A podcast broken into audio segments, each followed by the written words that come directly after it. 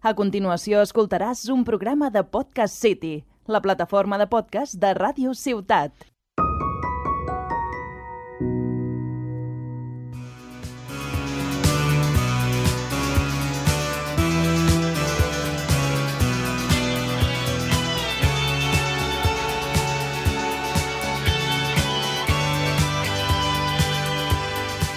Benvinguts a un nou programa del podcast Parlem del Nàstic. Avui parlaré sobre el partit davant l'Albacete Balompié i faré la prèvia del pròxim partit davant el Sevilla Atlético. El Nàstic de Tarragona guanya a domicili, guanya l'Albacete en un partit de poc joc i de molta fe i el pròxim partit és davant el filial sevillista, el Sevilla Atlético, un equip que lluita per la salvació i la pot fer matemàtica aquest, mateix dissabte, aquest mateix dissabte. Pel que fa al partit contra l'Albacete, va ser una victòria agònica, al minut 91, vull dir, ja va ser el minut de descompte, amb un gol de pròpia porta d'Atipue, que és un defensa central del, de l'Albacete, que ha jugat poc, ara entenc per què ha jugat tan poc, perquè si quan jugues fa gols en pròpia porta és normal que jugui poc, però el xut va ser del Pedro del Campo, que el partit no va ser el seu millor partit, però amb aquest xut que va fer en el minut 91 és, va ser un dels millors, juntament amb Manu García, que també van guanyar i vam estar vius i vam poder marcar aquest gol al minut 91 gràcies a ell, amb intervencions que es va fer de mèrit, perquè la veritat és que l'Albacete, com he dit abans, va ser una victòria més de fe que de joc, perquè de joc, a fora a casa el Nàstic no en fa, o en fa, sí que en fa, però en fa poc o molt pobre. Per això dic que va ser una victòria de fe, perquè l'Albacete ens va menjar, diguéssim, no físicament, sinó ens va menjar amb joc, diguéssim, jugant ens va menjar perquè van tindre dos pals, que aquells dos pals no van acabar dintre de miracle, i en Manu García va fer dues aturades de mèrit, que va ser per mi el millor partit de Manu García des que està aquí el Nàstic. I si ara... Però, i si ara pot mentir, que, vull dir, si ara li arriba el millor moment, superbé. Vull dir, aquesta victòria va ser, diguéssim, de fer el partit llarg, com el, el partit del Nàstic a fora, consistia en fer el partit llarg i arribar als minuts 70-80 amb un 0-0 i tu seguir viu per fer això, per fer el que vam fer. En els altres partits no vas poder fer. Linares no vas poder fer. I els partits que vam jugar fora, això no hem sabut fer. En canvi, aquesta victòria ha arribat en el moment ideal i just quan havia de vindre. Perquè ara això que ens permet estar vius amb aquest playoff que tant volem. En canvi, arribem per l'Albacete i ja la cosa ja sí que sí, ja seria impossible. Per tant, ha arribat aquesta victòria en el moment ideal i el, vull dir, i li podem dir que vam tindre sort, vull dir, i, i justament aquesta sort, com estic dient, va vindre en el seu moment que necessitàvem sí o sí aquesta sort, perquè en els altres partits, com estic dient, a fora a casa no, no li havia sortit, a, vull dir, aquesta idea no li havia sortit, però està clar que alguna vegada havia de sortir.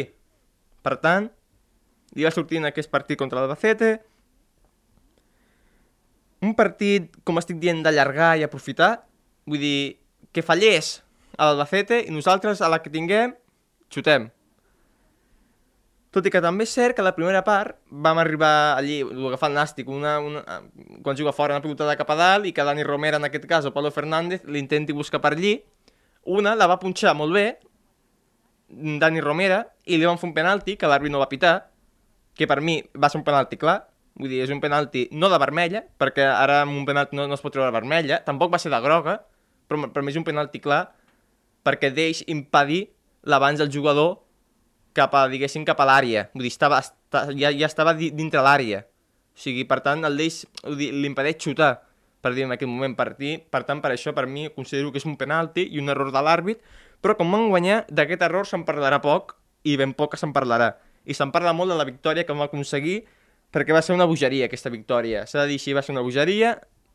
Al minut 70 diem, bueno, un altre, un altre cop, això té pinta de 0-0, en què m'ha empatat de miracle, però no, en sec va vindre al, al minut 91, el Barran fa aquells centres, diguéssim, de, de banda que agafa, agafa carrerilla i se'n va, diguéssim, agafa carrerilla, carrerilla i després la tira cap a dintre i va sortir. Va sortir de sort? Sí. Vam tindre fe? Sí. El, el joc va ser dolent? Sí. Però guanyem.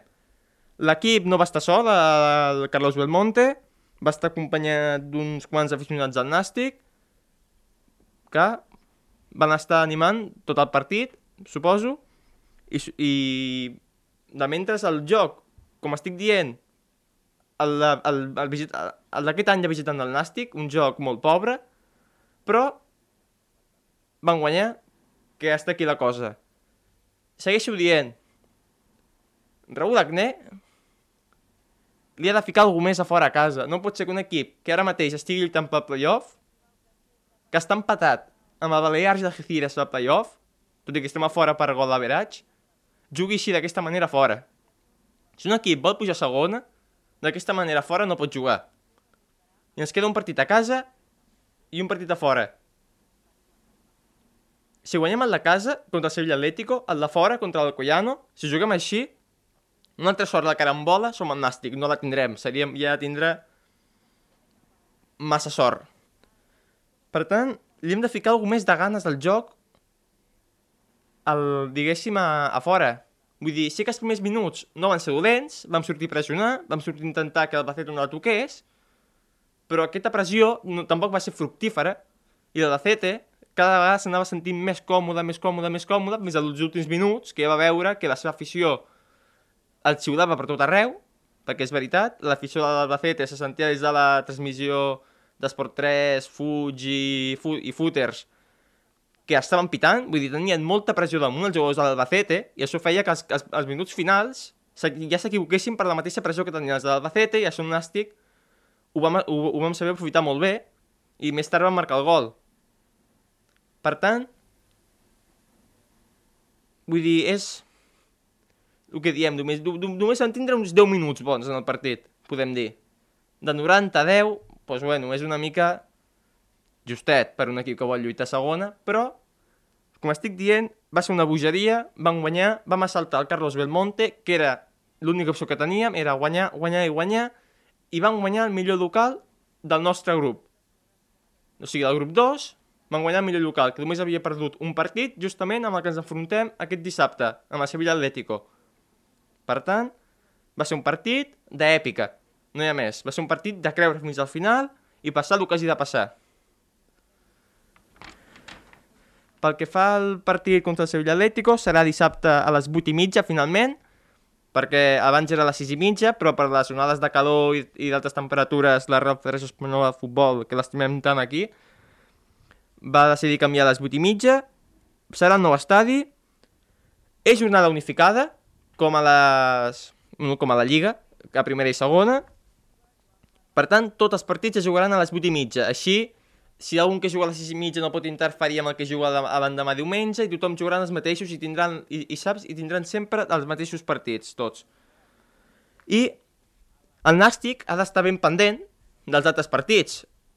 Nosaltres hem de guanyar. Si no guanyem, està clar que està fora. Vull dir, si no guanyem, si an anem perdent 3-0, llavors ja, ja els altres partits no ens importaran res, pràcticament. Per tant, si guanyem, sí que ens importen els altres partits, perquè Baleares ha de punxar, empat... quan dic punxar em refereixo a empatar o perdre, eh? Ha de punxar davant l'Atlético Sanluqueño, Algeciras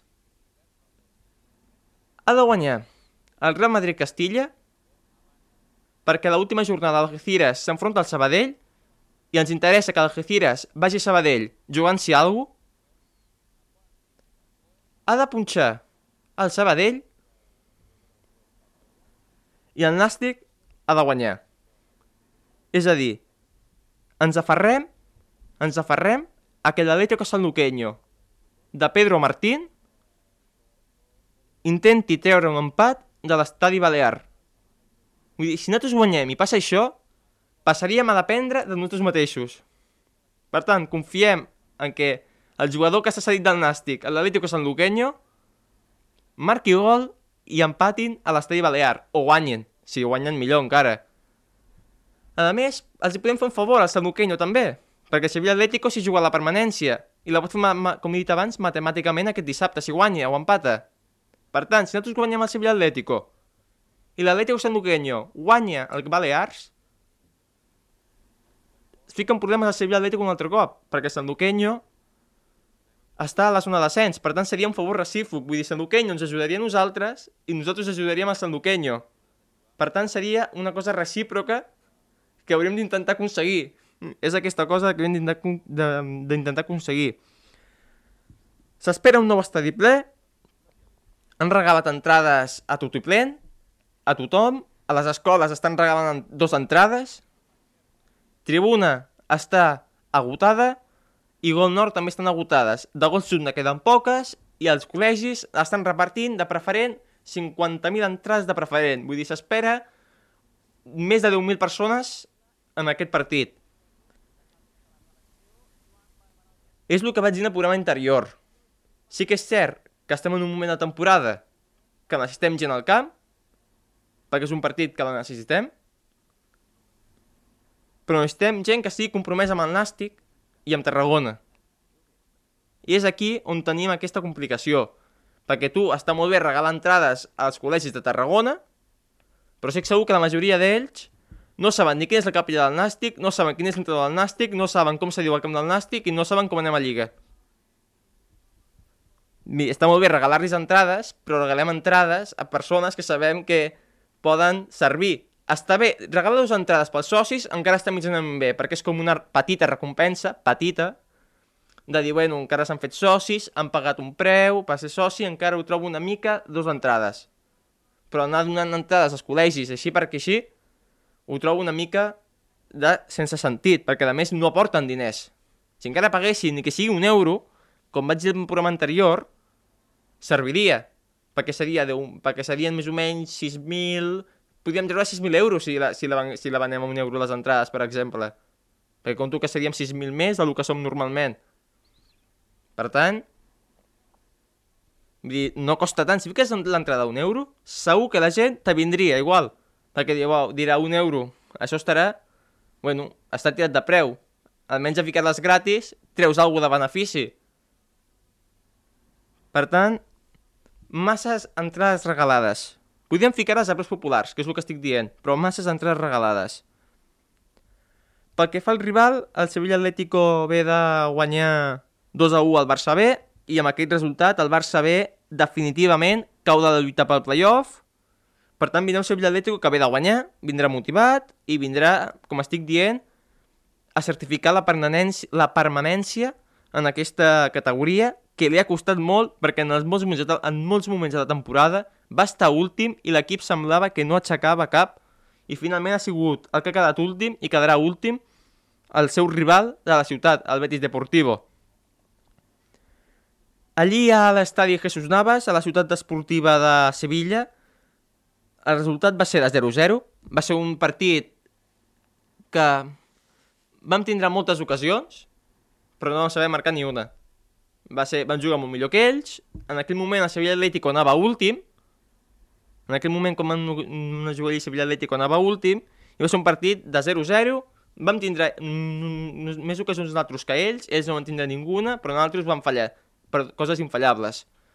Per tant, tornem a estar amb aquest regal de punts a altres equips quan nosaltres no teníem gol en aquell moment, perquè recordem que encara no hi havia Dani Romera i encara estava Pedro Martín, per exemple. És una altra final. És el que he dit abans. Si volem entrar a playoff, a part de, de que depenem dels altres, hem de guanyar naltros. Està molt bé que el Sant Luqueño guanyi el, el Balears, però si no guanyem naltros, és com si no servir res, aquest, vull dir, que el seu que guanyi Balears. Per tant, s'ha de guanyar, no queda un altre. A Sevilla Atlético, podíem dir a priori, és fàcil perquè estaves a la taula, però és que així hem perdut punts. Amb Uca, amb Múrcia, que ara ja està matemàticament descendit, amb Llagostera, actualment la UE Costa Brava, en partits que nosaltres creiem que érem superiors als rivals, però no vam saber guanyar. El Nàstic tinc la sensació de que està més motivat i li agrada jugar més els partits quan són amb els equips que estan a dalt que amb els que estan a baix. I això no hauria de ser així, perquè els que estan a baix, si estan allí, també és per mèrits, supos, entenc.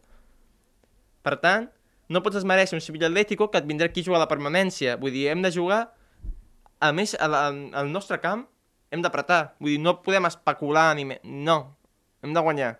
No queda ningú altre. Guanyar, que guanyar, que guanyar. I si podem fotre 5 gols com el Linense, els marquem. I més. Però sense por.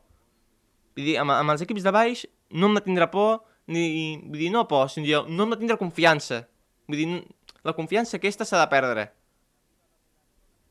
I s'ha de, i, i de dir, doncs bueno, és com si estiguéssim igualats i hem de guanyar.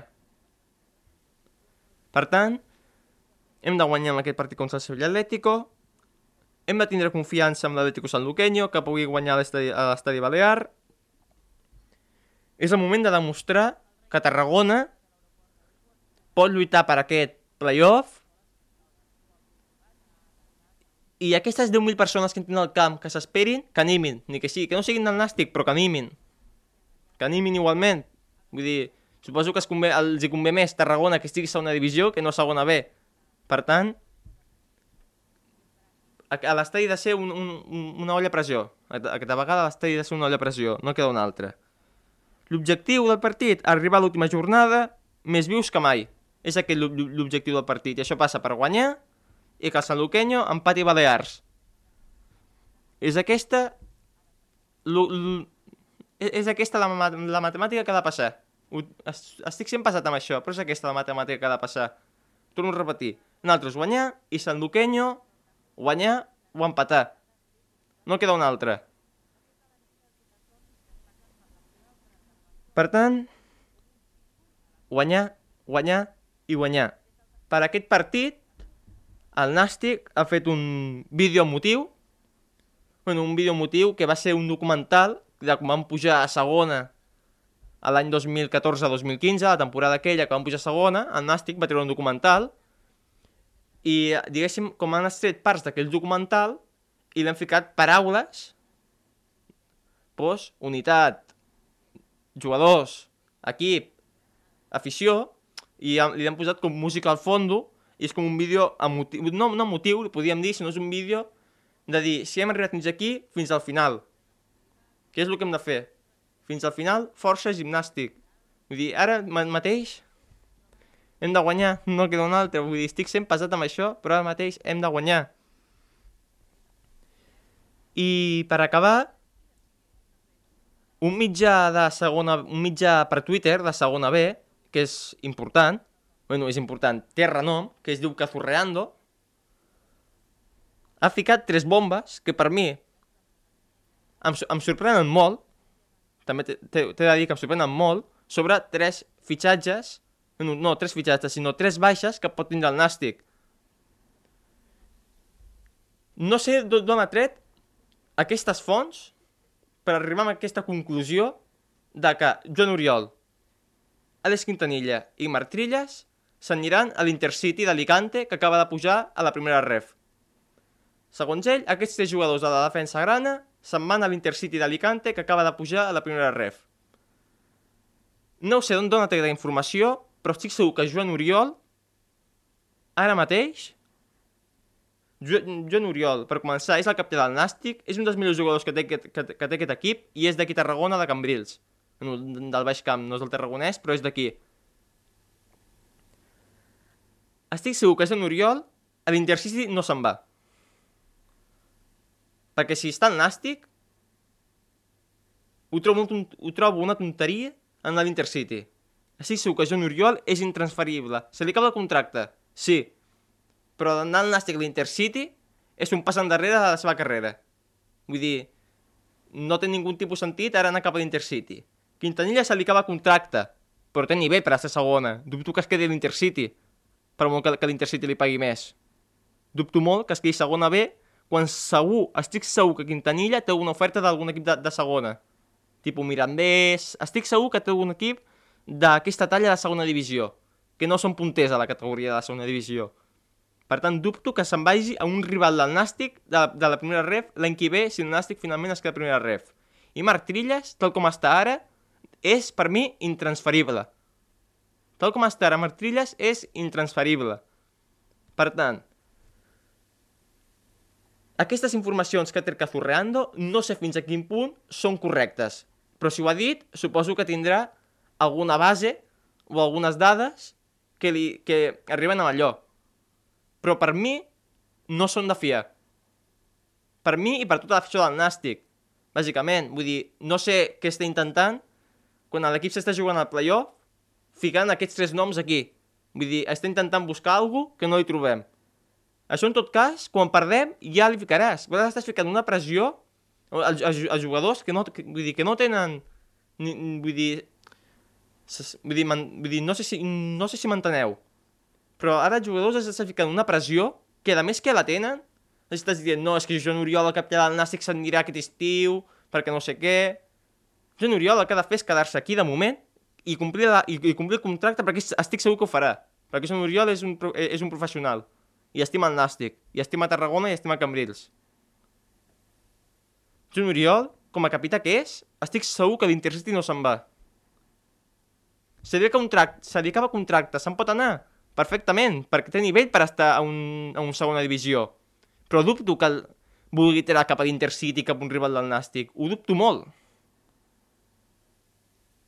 I per mi, aquestes fonts les ha tret en un moment i en un espai que no tenen ningú, vull dir, que no tenen ningun tipus de sentit. Això ho has de ficar quan acabi la temporada, que ja és l'estiu. No ara, que ens estem jugant el dissabte, tenim un partit importantíssim al Sevilla, i tu dius que Quintanilla, Trilla i Joan Oriol se'n van. Això, vull dir, no... En aquest moment no ho has de treure, això. Ho has de treure quan acabi el partit, quan acabi la temporada, que llavors sí que ja parlarem de mercat de fitxatges. Perquè ara això per mi no ho has de treure. I aquest mateix Cazurreando diu que Pedro Martín, quan torni el Nàstic, el fotran fora. Cap a un Linares, un Linares vaig veure... Per tant, sempre diu rumors de jugadors que moltes vegades he de dir que certa, eh? Moltes vegades, moltes vegades també he de dir que falla. Però moltes vegades acerta. Però jo crec que en aquest moment no havies de treure aquesta informació. I jo crec que aquesta informació, torno, torno, torno a dir, que és falsa. Joan Oriol, si hagués d'apostar, es queda. I Matlles també. Àlex Quintanilla, si fos jo me'l quedava. Però veig difícil que es quedi Àlex Quintanilla. El basc ho trobo molt difícil que es quedi. Però estic segur que si Joan Oriol i Martilles es quedaran aquest estiu i la temporada que ve al Nàstic. Estic segur. I per acabar, només queda guanyar, guanyar i guanyar el Sevilla Atlético. No queda un altre. I gràcies un dia més per escoltar-nos aquí al podcast Parlem del Nàstic.